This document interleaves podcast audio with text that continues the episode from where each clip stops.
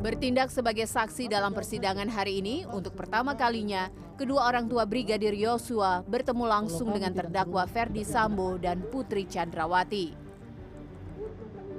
Tangisan Ibunda Brigadir Yosua pecah di ruang sidang mengingat nyawa anaknya direnggut tangan atasannya sendiri Ferdi Sambo. kami dapat bahwa secara lisan eh, Di sinilah saya sebagai ibu begitu hancurnya, begitu tersayat-sayatnya hatiku mendengar berita dari anakku almarhum Yosua terbunuh dengan sadisnya di tangan atasannya yang selayaknya melindungi, memberikan keamanan baginya.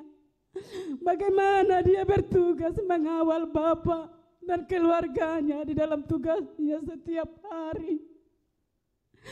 Sangat sakit dan sangat kejamnya bagi seorang ibu yang melahirkan anaknya.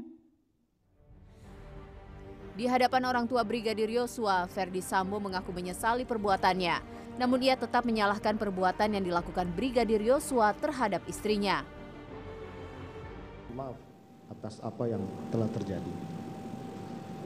Saya sangat menyesal saat itu saya tidak mampu mengontrol emosi dan tidak jernih berpikir.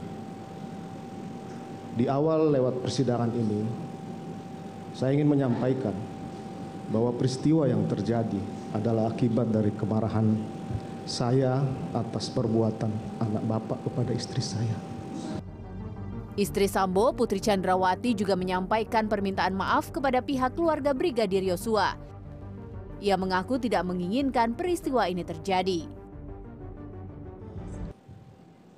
Dari kerendahan hati yang dalam, saya mohon maaf untuk Ibunda Yosua beserta keluarga atas peristiwa ini.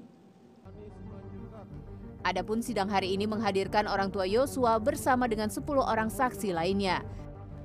Tim Liputan CNN Indonesia.